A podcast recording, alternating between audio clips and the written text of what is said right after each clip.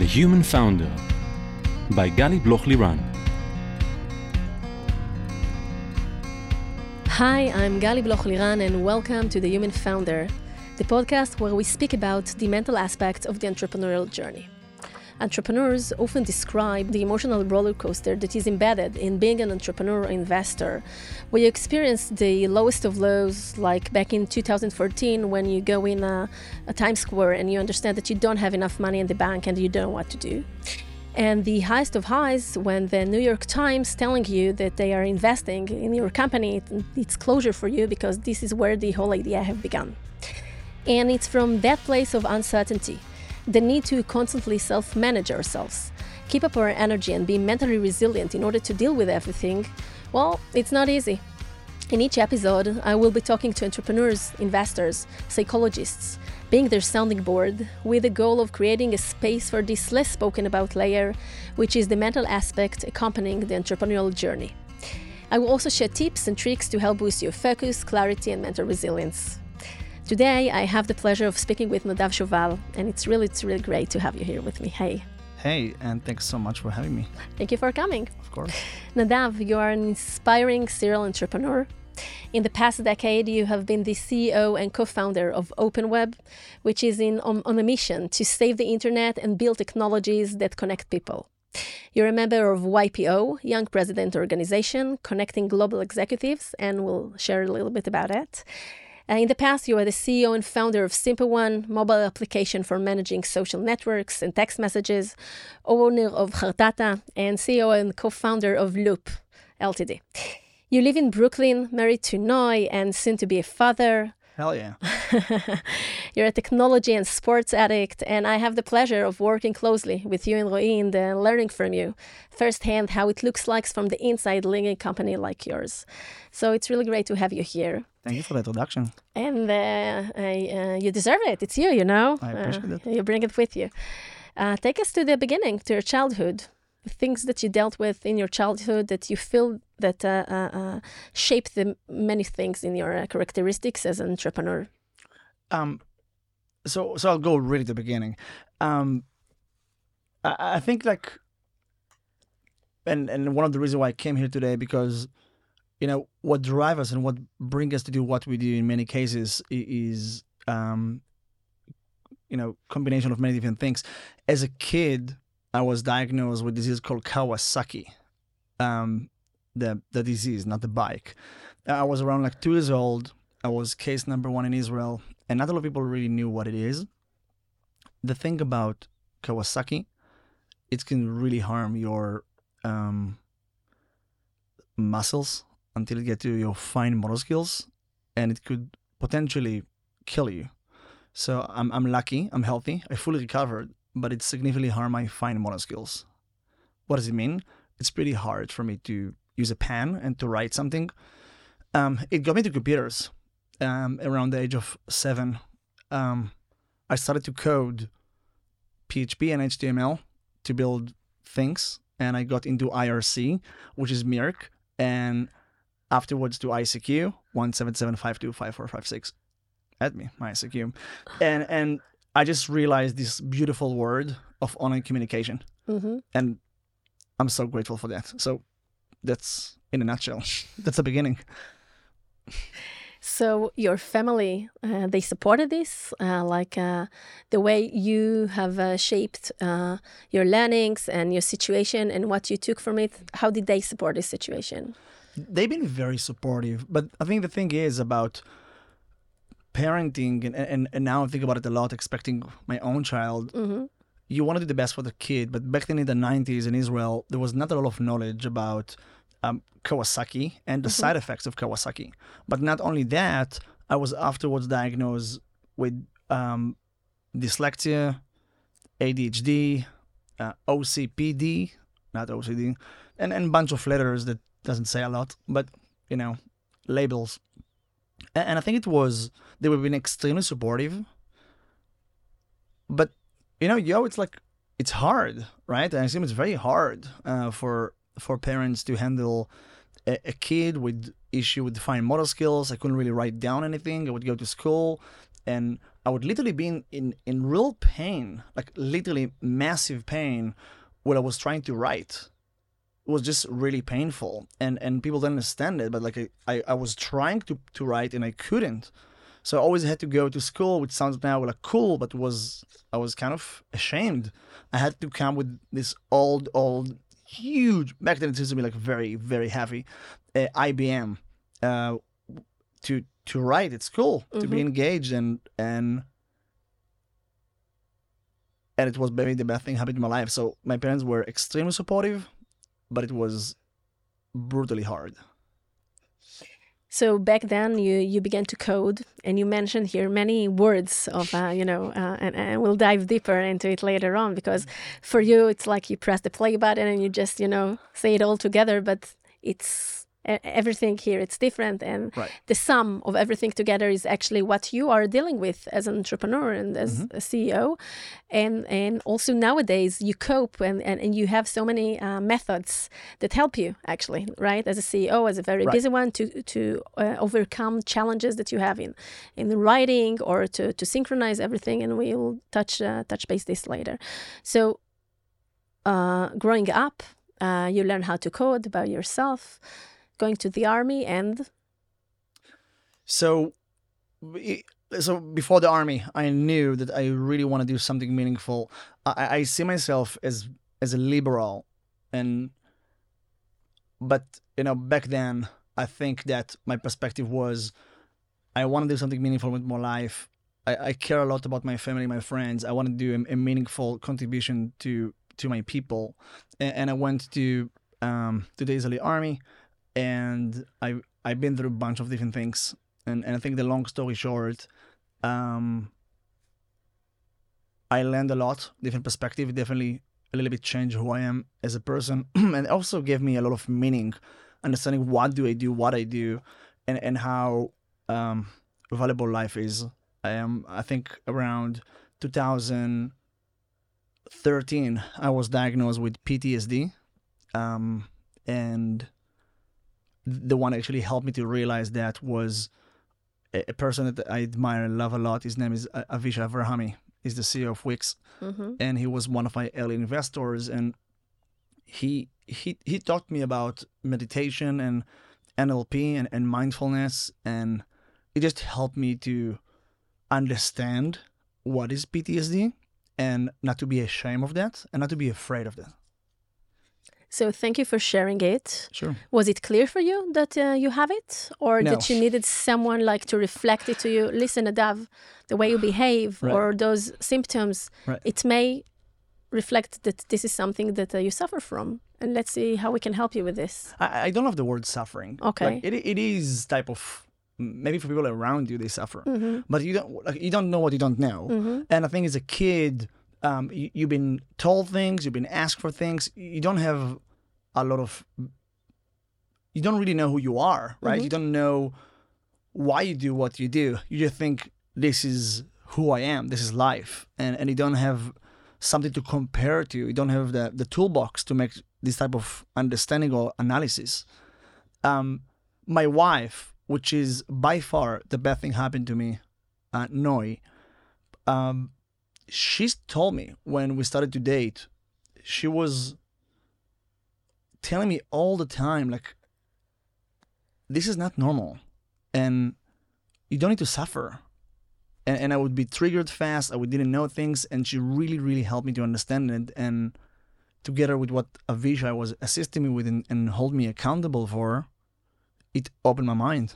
how did it look like when you say that noi reflected you so triggered fast like things that Sounds, Mm-hmm. so some sounds uh, w- would trigger me, or um, some situations. I, wouldn't be like um, violent or anything like that. Of course, I'm, I'm not a violent person, but I, I would be triggered. You, you would see that I'm not engaged. I'm kind of like almost disconnected from the situation, if it makes sense.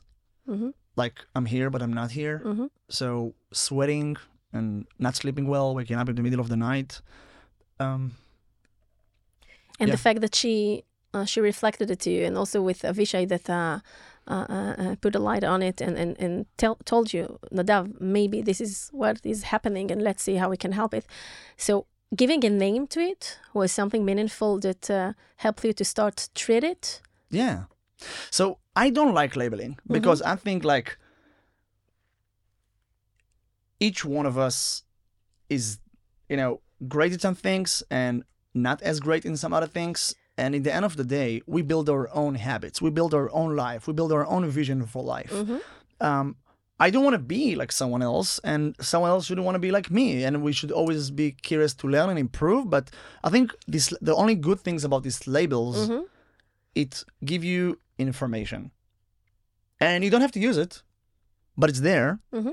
And I believe in science, so like for me, it's like ah okay, so I'm part of a bigger thing, and there are other people with some of these things, and and this is how they handle that. And some of them are, I don't know, um, using productivity tools, and some of them are using computers, and some of them are doing meditations, and some of them are going to to a therapist, and some of them doing NLP, some of them are doing like microdosing with shrooms, but they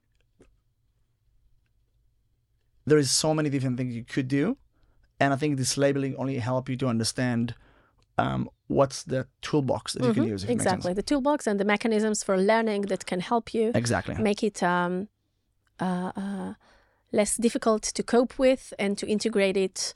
It happened, and to integrate it back to your life and how you can continue and function and, and feel feel better. So once you understood it, like uh, it was like two, 2013 that you understand it. 13 14 yeah.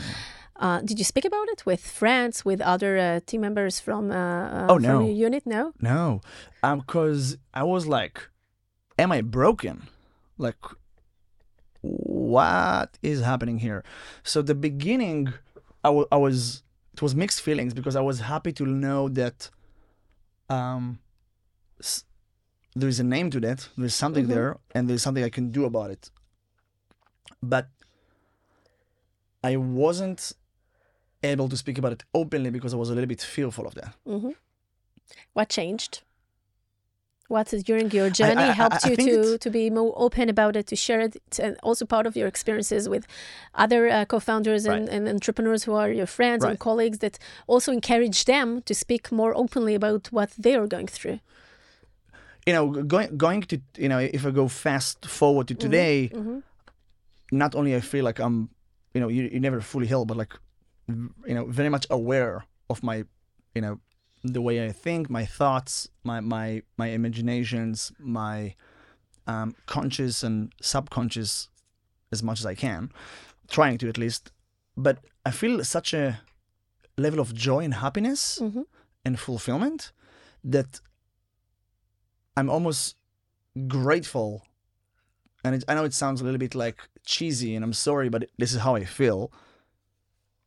I'm not happy for everything i've been through but yeah without the kawasaki i would not know how to code. Uh, without my you know ocd i wouldn't build this like you know productivity habits that really help me to be the better Mhm, version of mhm, myself. mhm. without my adhd maybe i wouldn't be as creative and um maybe i would maybe i wouldn't. Without my you know ptsd i wouldn't get into truly deep mindfulness and and and not into the shallow perspective of it but truly enjoying the present Mhm. life Mhm.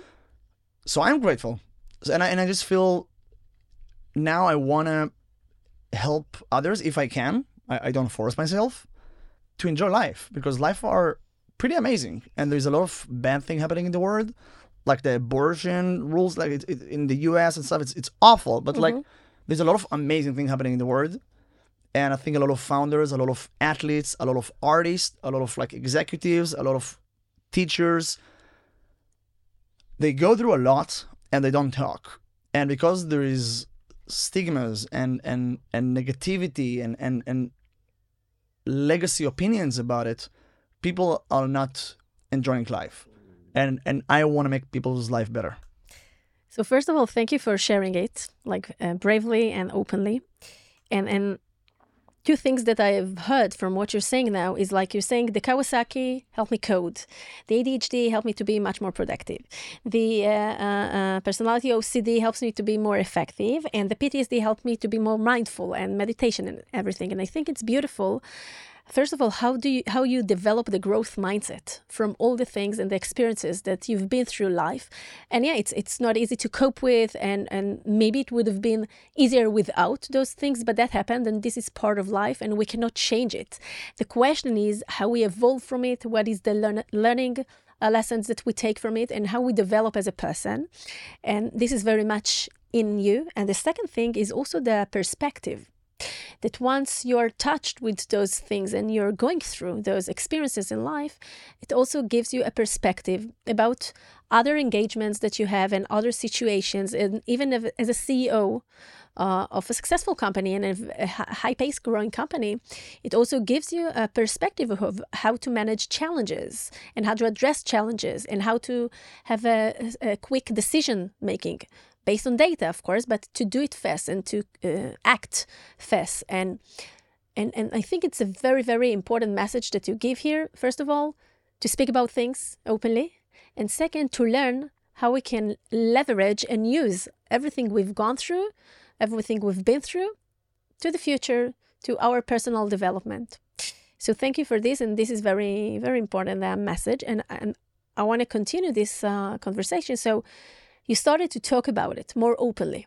So, share with us, please, a little bit about the experience that you're going through uh, in the YPO and what is going on in there, because this is something we haven't yet discussed here in this podcast. And it's an opportunity sure. as someone who's taking part in this um, organization. YPO. And personally, about you, how did it impact you? Yeah. So, YPO. Um, YPO is such a unique and interesting concept so I'll try to really simplify. Mm-hmm. And I would say in advance, it's not a cult. It's not a cult. So these are the voices that you hear sometimes. it's not a cult. Okay. Might sound like it's not. I promise okay. you. Um, the, thing. So what is YPO? YPO is a global organization of people, executives that run um, companies necessarily technological companies mm-hmm. in every field can be you know a local store could be a, a I don't know manufacturing technology mm-hmm. finance whatever although they have very uh, clear criteria yes. of who can join them yes. around i don't remember 1 million year i don't remember exactly yeah. the criteria but it's like very senior executives yeah like, like they it's, it's quite funny. I almost feel like they did like a due diligence about the company. like I had to connect our um, accountants to them so they can verify the numbers and the legal opinion. It was kind of like, and I had like maybe five or six interviews with YPO members. And handpicked. Yeah, and it was like, uh, what, what's happening here? you guys are pretty intense. Um, I just wanted to join the group. Okay. Uh, so. So you joined the group. So, bunch of people that I met and I respected told me that I should really join the YPO. And I was like, yeah, I don't have time for that. Come on, what is this thing? It sounds to me like fluff. Um, and I heard more and more about it. And YPO is all about the 5%. mm hmm The five best percent and the five worst percent of your life. What does it mean? Mm-hmm. 90% of our conversations with our friends, colleagues, family, etc., are usually about the 90%. percent mm-hmm day to day stuff. I feel good, I feel bad, how are you doing, ah, the weather, whatever. We don't really share the best 5% of our life because we feel ashamed, we feel like it's hard for us to speak about success sometimes. But also about the worst 5%, the truly worst at work, at family, and on a personal level. Mm-hmm. And YPO is all about confidentiality. Mm-hmm. And it's all about openness and support in most YPOs around the world, you're not allowed to give an advice. You share experience. You listen, and you try to come from a place of sharing knowledge almost. Mm-hmm. So, so two questions. The one, first is, what was a few of your main learnings from uh, sharing in YPO, both as uh, uh, giving your experience to other and learning from others' experience. And the second one, how do you integrate some tools uh, uh, as part of your toolbox that you get from YPO into your uh, day-to-day management? There's a lot, uh, but let me start from the base.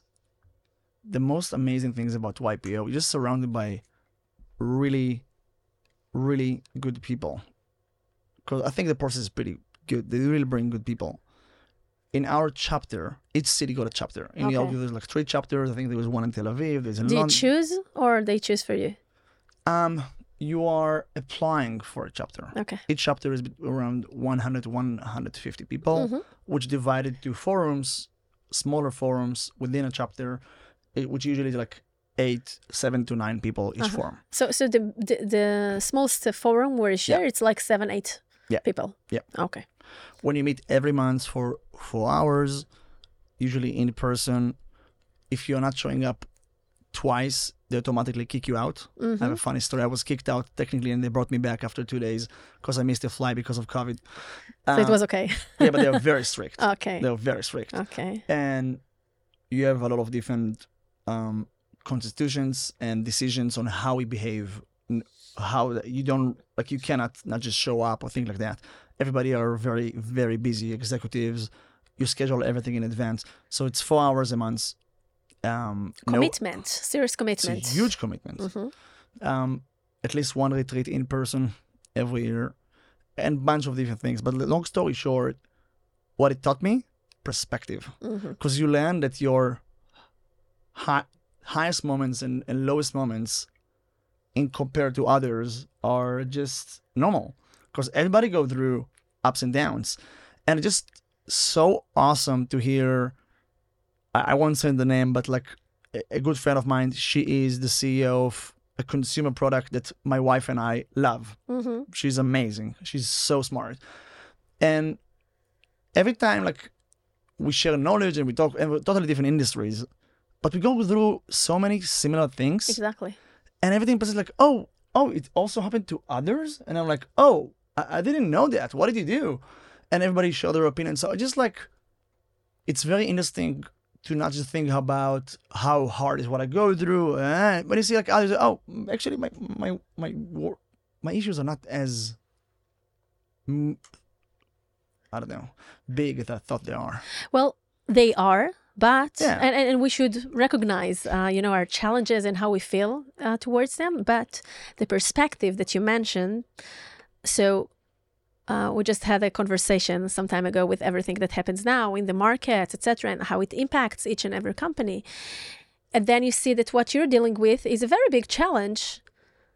But the day tomorrow, you see that one of is, your, of your colleagues is dealing with much more serious stuff, and the successful they were, all of a sudden everything is, you know, uh, uh, uh, breaking apart, and they have to deal with it. And it really, I think, uh, keeps us on the ground, grounded. You know, grounded, not to lose our minds, uh, to see that other people uh, cope with other challenges. We can also learn ways to cope with things, and also to get advice, but also to see that okay, uh, it's a stormy water now, and uh, and and and uh, we are floating, and and we come out of it stronger. absolutely And two things that you mentioned, the commitment and the perspective, I think are really, really crucial mindsets as founders. As founders of a startup, doesn't matter the stage, in a very early stage or uh, uh, uh, in a growth uh, where you are today, the commitment and the perspective are very important mindsets in order to deal with everything that comes. you know, I, I will not give any advice because who am I to give advice? And in general, I, I- I, I don't think that each scenario is not applicable for the other one, and, and you don't know what you don't know. And growth mindset is about understanding that in most cases you don't know what you don't know. Mhm. Experience sharing. Mhm. People speak about founding a company, entrepreneurship, what's important, what's not important. There is so much knowledge out there. So many smart people that provide knowledge everywhere. I think it's really simple. It's about persistent Mhm. and determination. Obviously, you need a lot of luck. You gotta know what you're doing. There's a lot of different toolkits that you need. You need to know how to get other engaged and lead them and, and build a culture and raise capital and build a product and get market fit. There's a lot, a lot of milestones. And every Mhm. time you hit one, you realize there's 10 others that you were not aware of. But Mhm. starting a company is so, so unique, but also so brutally hard.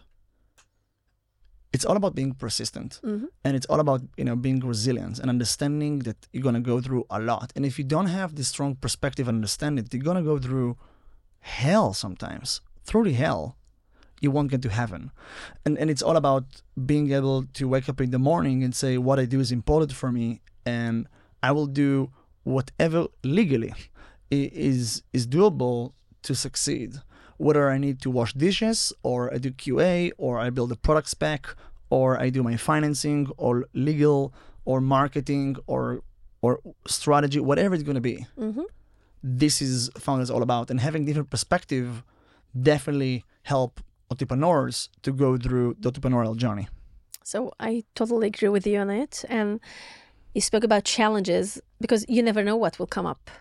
So take us to what you had so many challenges and you will have in the future because this is what it means uh, to lead a company uh, in a, a startup company that is growing, etc. And everyone are going through it. But take us to a challenge that was really meaningful and also really shaped you.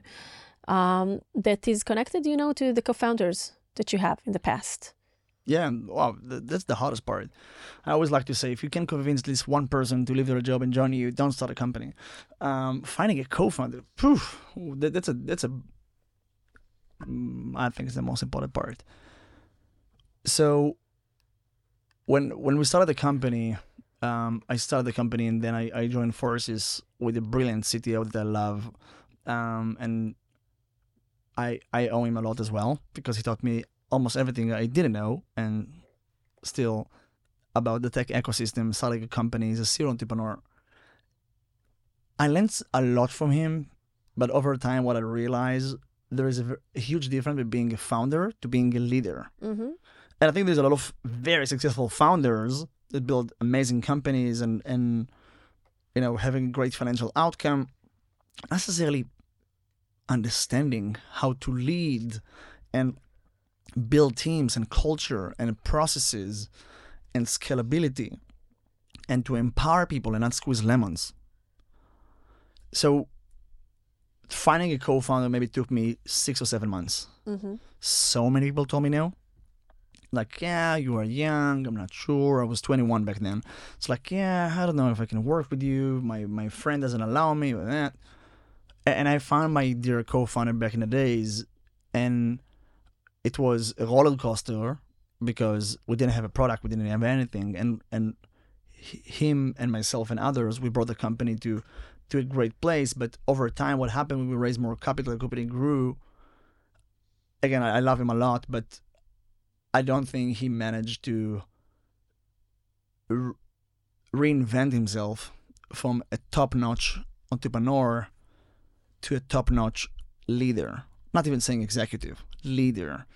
Um, and he, he got into a lot of, you know, argument and issues with the team, with with investors, with everyone, and it was very clear and unfortunate that in order for the company to succeed, um, he might need to step down. And yeah, it was traumatic for me because I like to think that I'm a, a loyal person, and we're still friends to date. And you know, he done very well, and everything is cool. But it's painful. It's painful. Like co-founder is almost like it is like a family member. You speak with him or her all the time. Thanks for that. You mentioned two things that I want to uh, focus on. So, one thing is um, the change of mindset between being a founder or entrepreneur to be a leader. And one of the things that um, I see the most uh, with many uh, uh, teams that I coach is that there is uh, uh, a gap there. Some founders can really take this step and evolve and embrace the mindset of a leader and the commitment and the perspective and to go through you know all the challenges and grow from it and sometimes uh, other founders they have a narrow point of view they, they lack uh, this ability to bridge that gap and to make make this leap uh, and believing in themselves and the voice that they need to bring to the table and how they grow uh, with the growth of the company. And then the gap between the two founders or the three, depends in the team, or even the fourth, is growing. And some are up to the expectations and where the market goes and what is uh, uh, needed from them as, as leaders, not just of two, three people, but a growing company of 10, 50, 100, 200 people later on. And some uh, cannot embrace this mindset.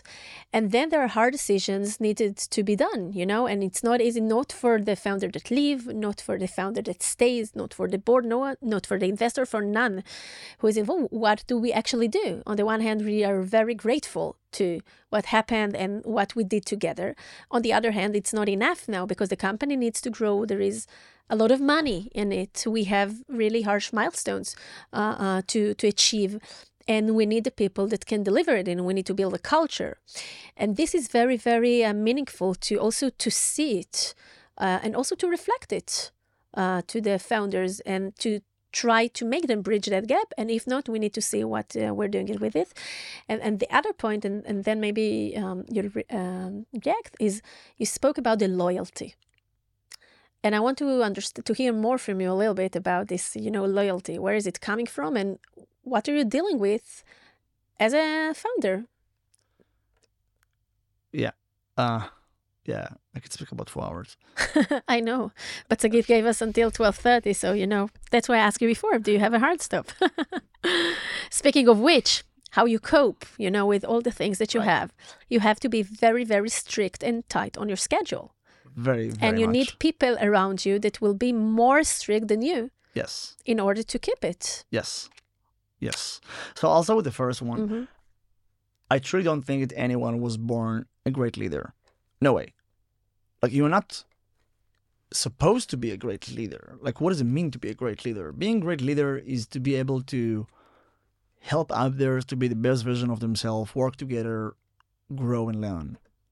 You gotta go through a lot to be in a situation when you can coach others. So why would founders be great leaders? by definition, they're not. They are all about, you know, creating reality, going through walls. It's about, again, determination and resistance. It's not about necessarily leadership in day one. Mm-hmm.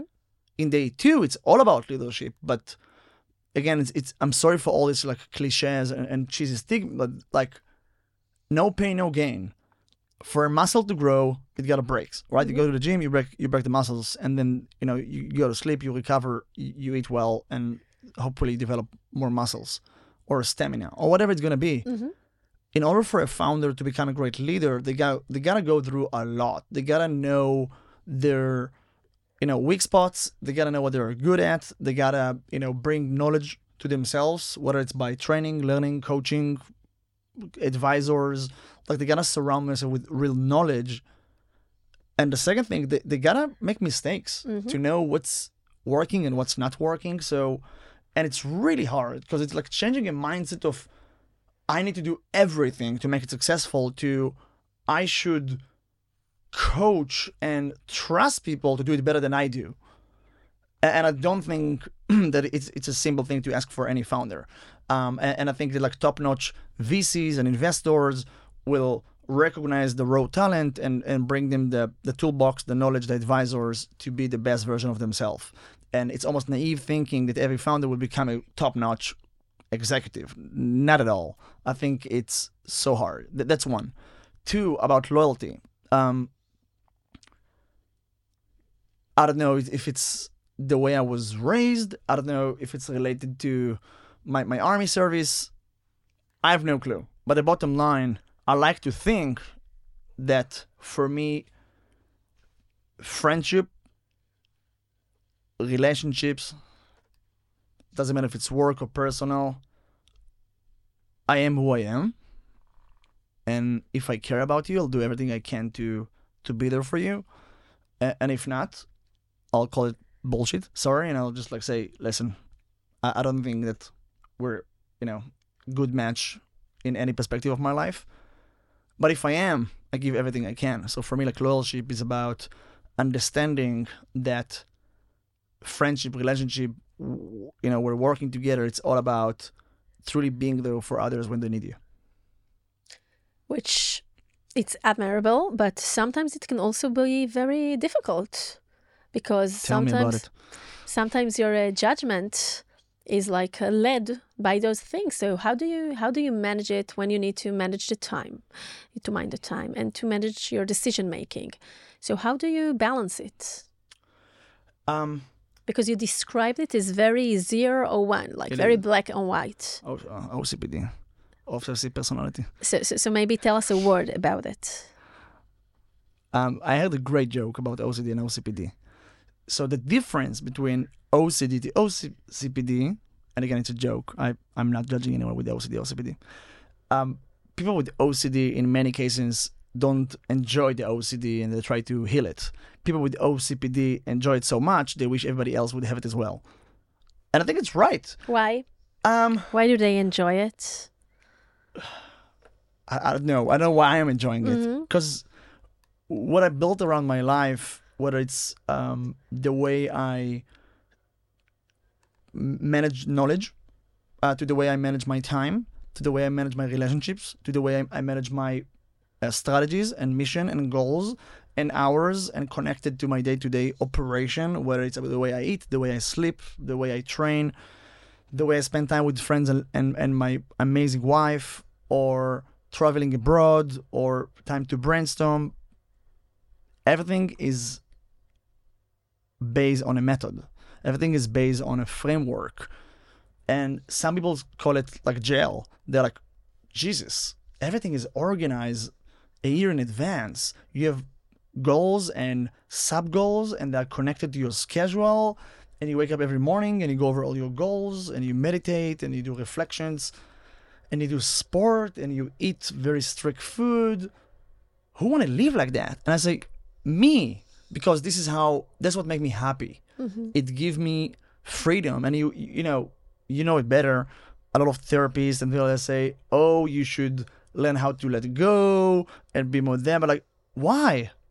I'm happy. I love to be effective. I don't want to rely on my memory. I, if you need to, you know, the opposite of forgetting is writing. Mm-hmm. If I promise you something, I'm gonna write it down. And if I need to do something, I'm gonna write it down. And I will will work with my team to hold me accountable, to lead by example.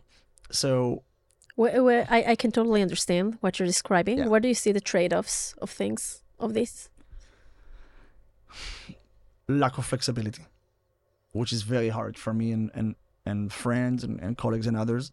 Um, everything is scheduled and organized to the detail, nitty gritty, as I like to say, way, way, way in advance. And people could be upset because of it, because it's hard to handle that. And people think that I'm like, I don't know, like too, um, I don't know, strict kind of fit with my life. And it's always like, wow, this is so extreme. Um, but again, that's what make me happy, and that's what give me the balance and a place to invest in myself and people around me at scale. So let's continue from at scale, and thank you for sharing it. So nowadays at OpenWeb, um, uh, leading it, and with everything that happens uh, in the markets, and as we're all familiar with, and and you you raised total sum of uh, two hundred 20. 20 30, 20 yeah. million dollar last uh, November, right? November 2021, Mm-hmm. right? So from your place today, uh, uh, leading OpenWeb and where it's going and what happening with the markets, how do you as a CEO and co-founder dealing with everything? And how do you see also the difference between uh, the communication and what happens, let's say, in New York and in the United States versus what happens, for example, in Israel and the ecosystem here and how it's uh, reacting to it? Give us a few words about it. I'm wondering if I start with a disclaimer, I'm not a financial advisor. Of Um, course. so, just from your soul experience. you said a disclaimer. right. Um, I again, I don't know what I don't know. I'm a young founder, CEO. I have nothing been around in 2000, 2008. I heard a lot. I read a lot. I'm surrounded people that've been there, including my executives and my investors and advisors. But I believe that you know, plan for the worst, hope for the best. It doesn't mean you need to be reactive. It doesn't mean you need to be anxious. You got to build a fucking plan, sorry, and hold everybody around you focused and accountable to execute. I don't know what's going to happen with the markets. It seems that a lot is happening. Supply chain, uh, side effects of COVID 19 on manufacturing, on, on global tourism, the horrible, horrible war in, in Ukraine, and all, all the things that it drives. Uh, inflation, given the helicopter money of the US and, and EU and Israel and many, many others. A lot is happening. And I do believe there's going to be a recession. And, and by the way, it's painful, but this is the life cycle of the global economy. I do think we're going to go through a recession. I think good companies uh, will be savvy and smart the way they invest, the way they grow. We at OpenWeb we're, will continue to grow, we'll continue to hire and build um, great product and tools. Our mission is more important than ever. Improving online conversations is so important these days. People are spending more time online, they engage with others. We want to be everywhere to support and improve the way people talk online. But we gotta be savvy on the way we grow and be very um, savvy with our investments and how we grow to make sure that we navigate this storm. And two three years from now post recession we'll be able to continue to grow and, and do some meaningful things so thanks for that. It wasn't a financial advice, it just was your reflection about the reality.